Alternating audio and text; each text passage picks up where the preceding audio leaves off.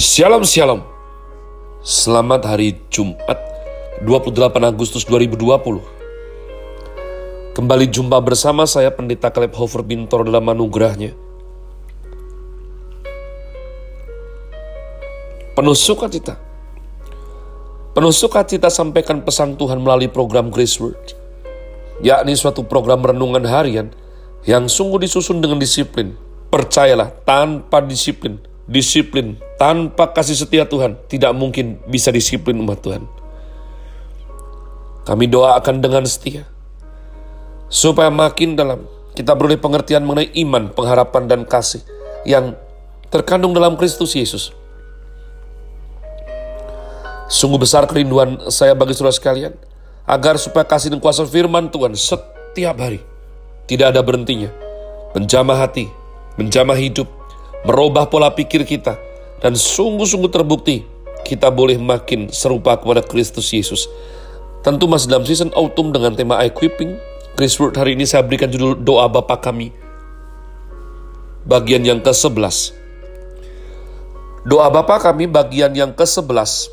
Mari kita sekali lagi membuka Matius 6 ayat yang ke-9. Saya mohon, saya doa, saya minta, jangan pernah bosan sama Tuhan. Baca lagi, baca lagi, jangan. Ya, sebab ini adalah serupa mutiara kehidupan yang begitu berharga. Menggarap hati, jiwa, dan pikiran kita sehingga boleh bijaksana. Karena itu berdoalah demikian. Bapa kami yang di sorga, dikuduskanlah namamu. Karena itu berdoalah demikian. Berdoalah demikian. Bapa kami yang di sorga, dikuduskanlah namamu. Saya minta kita membuka daripada kitab ulangan, Fatsal terakhir, ya, yakni 34. Fatsal ulangan 34 saya rindu. Kita baca ayat yang luar biasa ini. Kemudian naiklah Musa dari dataran Moab ke atas gunung Nebo, yakni ke atas puncak Pisgah yang ditentangan Yeriko.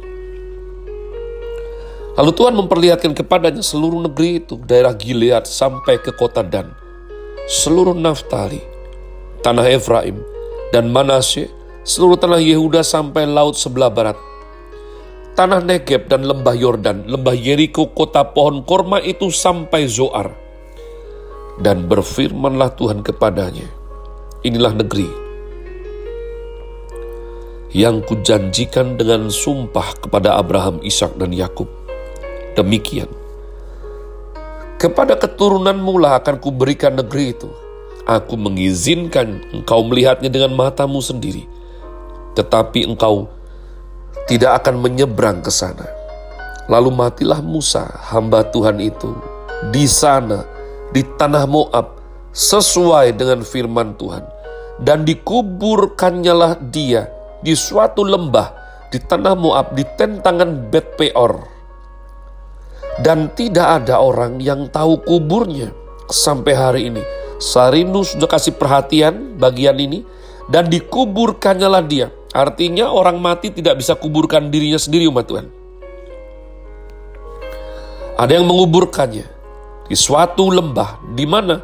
Ya di suatu lembah. Di tanah Moab. Di tentangan Bet Peor. Ya, jadi ada yang menguburkan Bapak Musa. Dan tidak ada orang yang tahu kuburnya sampai hari ini.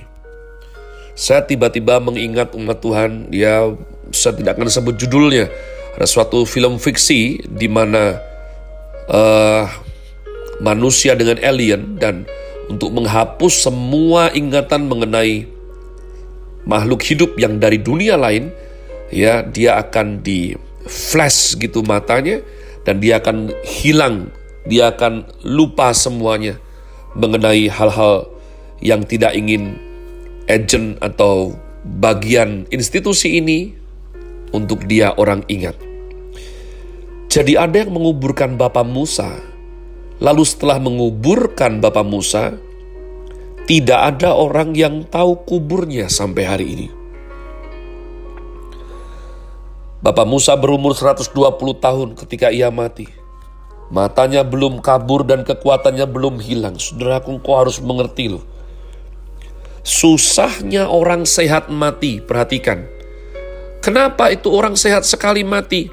Kecelakaan. Oh, kenapa itu orang sehat mati? Mati dalam pertempuran. Oh, kenapa itu orang sehat mati? Dijahatin orang, dirampok lalu dibunuh. Oh, Bapak Musa tidak kecelakaan.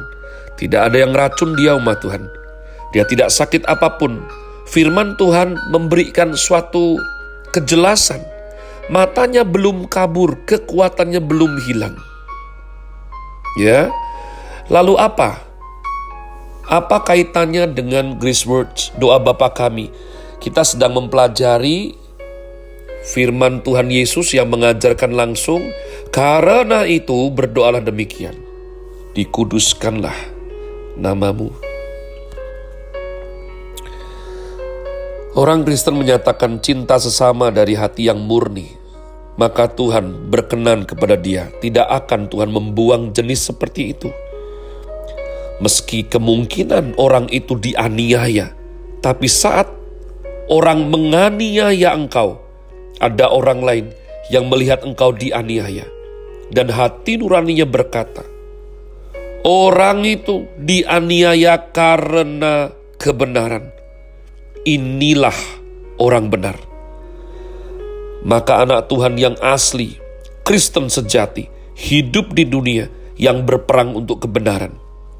Bersaksi bagi Tuhan bukan hidup untuk diri sendiri, bukan. Muliakanlah dan kuduskanlah nama Tuhan dalam hidup kita. Jangan ngotot supaya namamu yang disanjung-sanjung kita ini tidak penting umat Tuhan. Nama Tuhan yang penting. Kita ini penting. Saking pentingnya ditebus Tuhan Yesus. Darahnya tercurah untuk Anda dan saya.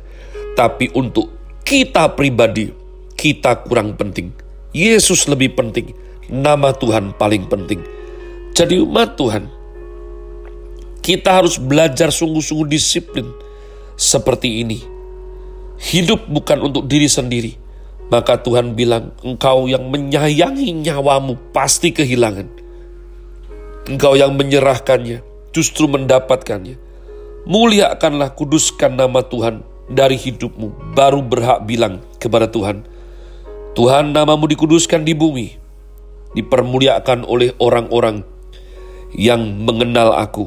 Mereka bahkan belum Kristen, tapi melihat hidupku, hidupku yang menguduskan namamu, maka mereka boleh mempermuliakan namamu.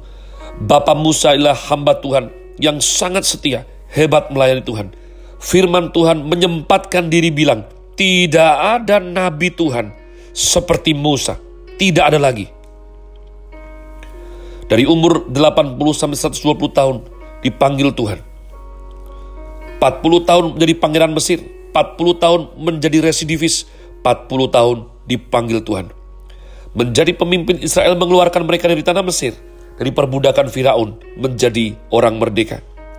Tapi setelah orang Israel keluar dari Mesir, hidup lebih tidak enak daripada saat di Mesir. Karena di padang belantara, makanan dan air tidak cukup. Dikatakan mereka selalu bersungut-sungut. Mereka selalu bersungut-sungut. Maka saat mereka berada di Rafidim, rakyat bersungut-sungut. Hei, Musa, kalau cuman ajak kami mau mati di padang gurun, tidak usah jauh-jauh. Tidak ada air, haus, mau mati. Musa datang kepada Tuhan. Tuhan, umatmu bersungut-sungut, kekurangan air. Apa yang harus ku perbuat untuk menolong mereka? Di situ ada batu karang. Tuhan perintahkan Musa memakai tongkatnya, memukul dengan keras, dan sumber air keluar dari batu. Israel mendapat air. Semua tidak haus lagi, minum dengan cukup. Bertahun-tahun kemudian terjadi lagi. Mereka kekurangan air dan bersungut-sungut lagi marah kepada Musa. Musa berulang-ulang umat yang sudah dapat mujizat, pemeliharaan Tuhan, bersungut-sungut terus. Musa muak melihat muka mereka umat Tuhan. Saya percaya Bapak Musa tidak jahat. Saking marahnya, mungkin Saulnya bilang, Betapa bodohnya kamu semua, sampai kapan mau bermuka seperti itu? Bukankah gak pernah kekurangan? Tuhan selalu mencukupi. Kalau memang minta, bisakah wajahnya itu tidak seperti itu?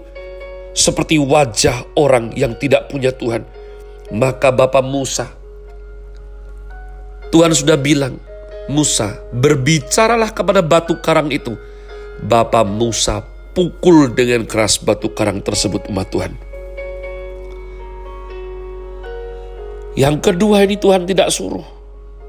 Kenapa Tuhan tidak suruh pukul? Karena batu karang itu hanya boleh dipukul satu kali saja, tidak boleh dua kali. Sebab batu karang itu melambangkan Tuhan Yesus, hanya boleh mati satu kali saja. Dalam sekejap, bukan karena jahat, bahkan bukan karena jahat pun, ini masih dianggap antroposentris Egonya mengambil alih. Bapak Musa marah. Kenapa kamu begitu kebangetan jadi orang? Mukamu itu menyebalkan. Dalam sekejap, Musa menghantam batu tersebut umat Tuhan. Tuhan murka kepadanya. Mengapa kau pukul? Padahal aku tidak perintahkan. Aku tidak suruh engkau memukul batu. Musa tidak bisa jawab. Maka Tuhan Allah berkata, Engkau tidak menguduskan namaku di hadapan Bani Israel. Engkau tidak boleh masuk tanah perjanjian. Kalau saudara baca teliti, Musa akan menawar sampai dua kali umat Tuhan. Tapi tetap tidak diizinkan Tuhan sampai matinya di Gunung Nebo. Kita belajar. Saya belajar dengan pahit. Pahit berbuahkan manis Dikuduskanlah namamu. Kita berharap semua menguduskan nama Tuhan. Tapi kita menjadi pemimpin, tidak menguduskan nama Tuhan. Tuhan akan menghukum kita sebagai pemimpin. Hukuman untuk Bapak Musa berat luar biasa, berat luar biasa. Tidak bisa masuk tanah kanaan. Musa tidak berani bantah Tuhan. Hanya menerima hukuman Tuhan. Aku menghukum engkau jalan kaki naik ke gunung Nebo. Kamu sehat, tapi kamu pulang karena kamu sudah selesai tugasnya.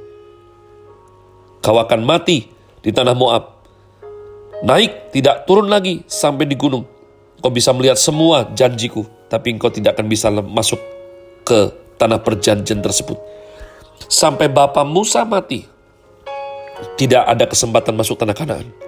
Perhatikan, 1500 tahun kemudian, 1000 tahun, 1500 tahun kemudian, sebab Yesus berinkarnasi, Musa, Elia muncul. Tuhan Yesus menyatakan transfigurasi kemuliaannya di depan Petrus, Yakobus, Yohanes. Pada saat itulah Bapa Musa baru diizinkan Tuhan menginjak tanah Kanaan. Setelah 1500 tahun sebagai manusia mati. Hari itu kerinduannya terkabul. Dia berdiri menatap Tuhan Allah yang dia rindukan yang dulu hanya boleh lihat punggungnya saja. Tuhan itu kudus.